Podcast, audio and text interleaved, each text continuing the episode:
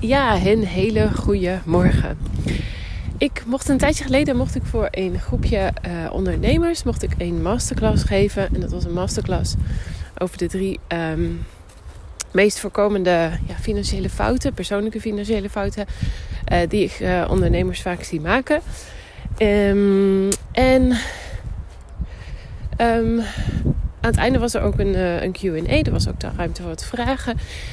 En een van de dingen waar ik het ook over had in mijn masterclass was het belang van het opbouwen van vermogen. Dus dan mag je denken aan sparen, uh, nou, je pensioen op een bepaalde manier opbouwen. Dat hoeft overigens helemaal niet altijd in een pensioenfonds te zijn. Ik krijg daar vaak uh, opmerkingen over. Mensen die zeggen, ja, ik, ben, ik ben daar eigenlijk niet zo van. Ja, dat is ook helemaal prima. Uh, dat mag, maar regel het dan wel op een andere manier.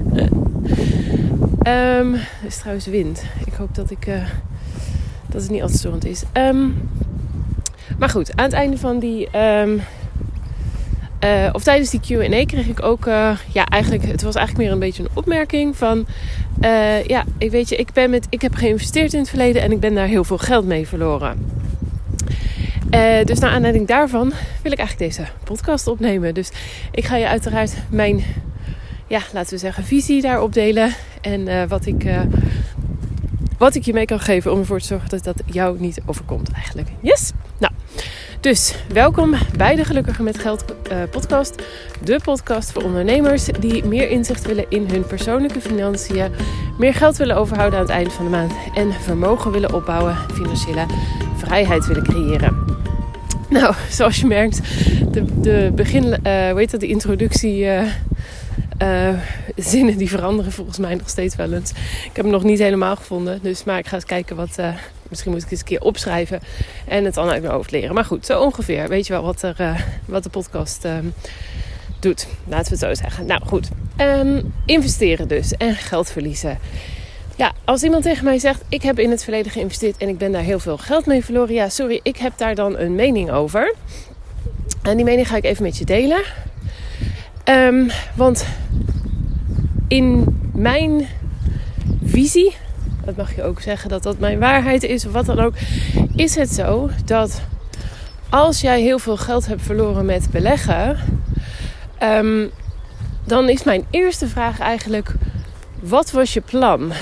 En dat klinkt dan misschien heel lullig om dat achteraf zo te vragen, maar als um, kijk, zonder een plan vraag ik me dan af: ja, maar wat, wat, wat, was je strategie? Wat wilde je bereiken? Hoe komt het dat je geld bent verloren? Waarom heb je überhaupt verkocht?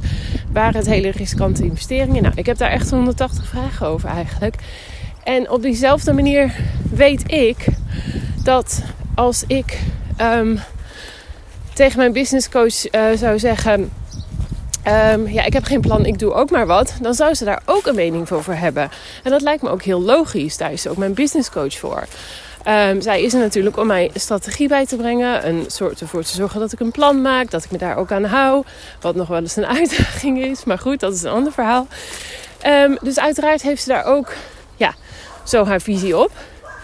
En ik kan me zo voorstellen dat als je met nou laten we even zeggen, een personal trainer werkt of zo. En je zegt, ja, ik doe eigenlijk maar wat. De ene keer doe ik een beetje um, wat gewichten. De andere keer uh, ga ik eens op de treadmill staan. En de volgende keer ga ik uh, zwemmen, bij wijze van spreken.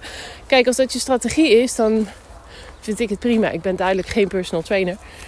Maar als jij uh, bij al die dingen, ja, als je ook maar wat doet en je vraagt je dan bij je personal trainer af, ja, ik zie, ik zie het resultaat niet dan kan ik me zo voorstellen dat die personal trainer dan ook zou zeggen: Ja, maar waarom heb je geen plan? Hoe komt het dat je maar gewoon wat doet? Tenminste, um, ook dat lijkt mij redelijk logisch. Nou, op die manier heb ik dus ook zulke vragen. Als iemand tegen mij zegt: Ik ben heel veel geld verloren met investeren.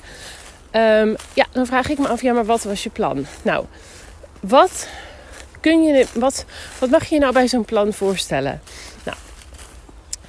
Überhaupt. Um, kijk, beleggen is natuurlijk nooit zonder risico. Ik denk dat we dat allemaal wel weten. Er is altijd risico dat je, dat je geld minder waard wordt. Dat je uh, aandelen of investeringen, want je kunt natuurlijk in heel veel dingen investeren, dat die minder waard worden.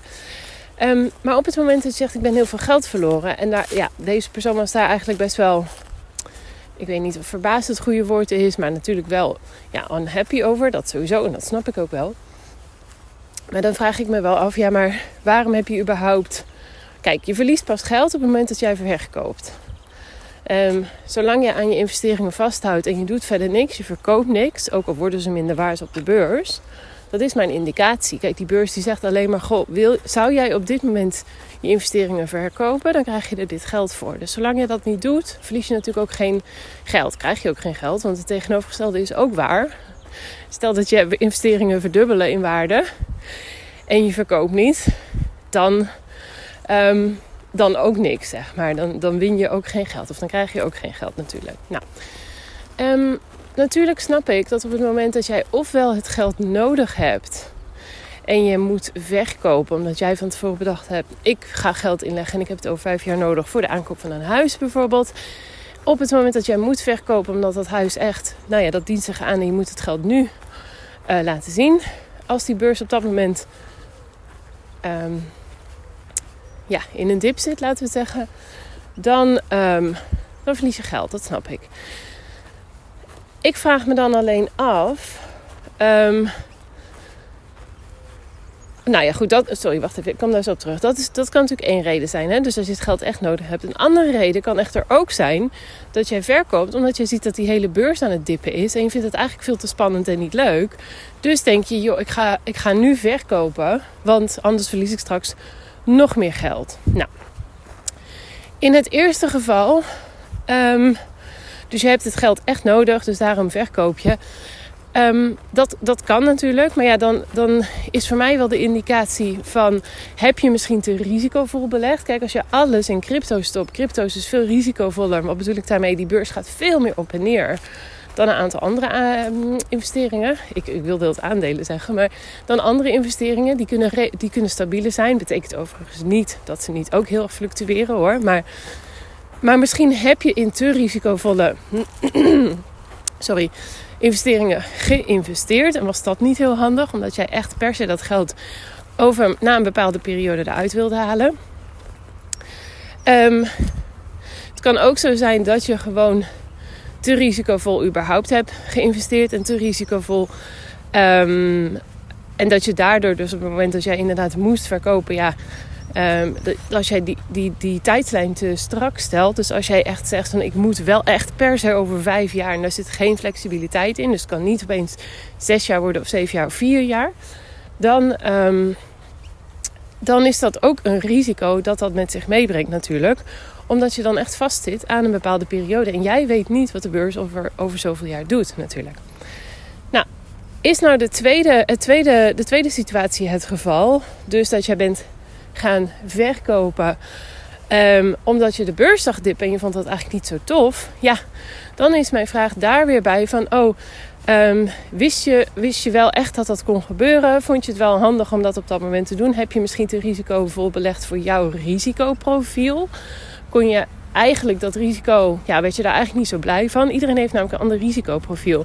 Sommige mensen vinden het helemaal niet zo heel erg als ze de beurs zien dippen. En andere mensen worden daar meteen heel erg nerveus van. En dat is allemaal prima. Maar dat betekent wel dat je ook je beleggingen of je investeringen bij jouw eigen risicoprofiel moet aanpassen. Dat is wel echt heel belangrijk. Want mijn buurman kan het misschien helemaal prima vinden als hij van een op de andere dag 5000 euro verliest. Ik zou dat niet heel tof vinden. Dus ik investeer op een andere manier dan mijn buurman, bij wijze van spreken. Um, dus dat zijn even zo twee voorbeelden. Maar eigenlijk het de grotere vraag is eigenlijk: ja, wat was je plan? Wist je, wist je genoeg over wat het allemaal met zich meebracht? Heb je echt alleen geld geïnvesteerd wat je echt, echt, echt, echt, echt kon missen? Want als het geld is dat je echt prima kunt missen, kijk, dan is het natuurlijk wel heel erg balen en heel erg kak als je dat geld verliest. Maar op het moment dat jij het eigenlijk ja, ik wil niet zeggen niet nodig hebt, want het is natuurlijk altijd leuk als je het geld gewoon terugkrijgt en meer natuurlijk. Maar op het moment dat je het wel gewoon kunt missen, dan is het ook makkelijker om te zeggen: hey, ik zie dat de markt echt enorm aan het dippen is, maar weet je, ik ga niet verkopen. Ik heb het geld namelijk op dit moment toch niet nodig. Het is voor mij niet essentieel. Het zou wel super tof zijn als ik het krijg. Ehm, maar ik blijf nog even zitten op mijn investeringen. Dat is dan natuurlijk veel makkelijker dan wanneer je dat geld echt nodig hebt, ja of ja, zeg maar.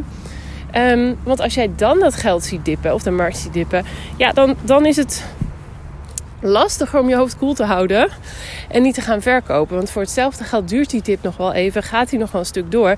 En je weet natuurlijk niet wanneer die weer herstelt. Ehm, dus dat is ook wel een hele belangrijke. Nou, um, wat ik al zeg, het plan. Nou, wat er hoort er verder nog bij zo'n plan? Ja, hoe spreid jij je risico? Hoe spreid jij je investeringen? Want op het moment dat jij in één of twee bedrijven investeert, dan heb jij een heel erg groot risico. Um, als die bedrijven slechte jaarcijfers halen, als ze moeten bezuinigen of het kan natuurlijk ook zo zijn dat ze helemaal failliet gaan. Kijk, dat zijn allemaal factoren of ze hebben een of ander schandaal. Dat gebeurt natuurlijk ook. Nou, dat zijn allemaal factoren die ertoe kunnen bijdragen dat die aandelen minder waard worden. En dat kan heel snel gaan. Dus op het moment dat je echt maar in twee bedrijven of vijf, dat is ook heel weinig, um, investeert, dan loop je gewoon een enorm risico. Um, en dat is ook wel belangrijk om, om bij stil te staan. Want binnen zo'n plan hoort eigenlijk natuurlijk ook hoe ga ik beleggen? Waar ga ik in beleggen? Hoe spreid ik dat risico? Hoeveel procent van mijn, aandelen, van mijn investeringen ga ik weer? Hoeveel procent van mijn investeringen wil ik in aandelen? Uh, wil ik dan alleen Nederlandse aandelen? Wil ik Europese aandelen? Horen daar ook Amerikaanse aandelen bij? Opkomende markten? Weet je, dat zijn allemaal vragen die je zelf mag afvragen.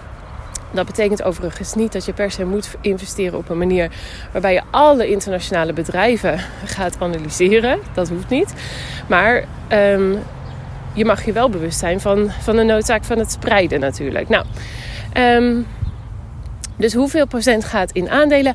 Hoeveel procent gaat in obligaties? Horen er ook crypto's in mijn portfolio? Wat is dat percentage dan? En uh, nou ja, dan kun je nog denken aan bijvoorbeeld vastgoed, goud en edelmetalen. Er zijn heel veel dingen uh, waar je kunt investeren. Je zou ook crowdfunding als een soort van investering kunnen doen. Kun je ook in je portfolio opnemen. Waarom doe jij bepaalde investeringen? Hoe passen die binnen het grotere plaatje van, nou ja, wat ik zeg, hoeveel procent van je portfolio wil jij in specifieke investeringen stoppen?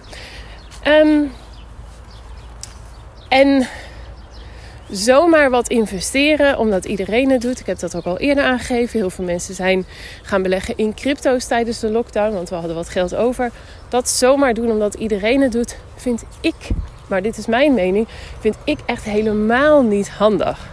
Zomaar investeren in een bedrijf omdat je getipt wordt door je buurman of je, schoon, je schoonbroer of schoonzus. Ja, ook dat vind ik absoluut niet handig. Want nogmaals, dat, dat, je doet dan maar wat. Je hebt dan totaal geen idee van het grotere geheel. Wat je plan is, waar heb je het geld voor nodig, hoeveel, hoe vaak.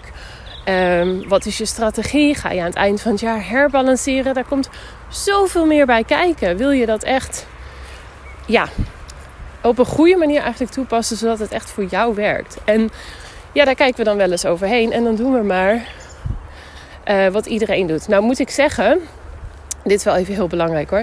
Diegene die ik sprak, of diegene die mij die vraag stelde, of eigenlijk die opmerking maakte, ik weet totaal niet of dit allemaal op haar van toepassing is hoor. Dus, maar dus mocht je toevallig luisteren, dan, uh, dan, uh, ja, dan weet ik dat, het, uh, dat, ik, dat ik even in het algemeen praat hier. En niet zozeer over jou, maar echt even dingen die ik vaker hoor in het algemeen van verschillende ondernemers die ik spreek over beleggen.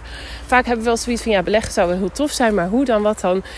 Um, ja, zomaar iets doen ben ik geen fan van, absoluut niet. Ik vind dat echt uh, niet slim.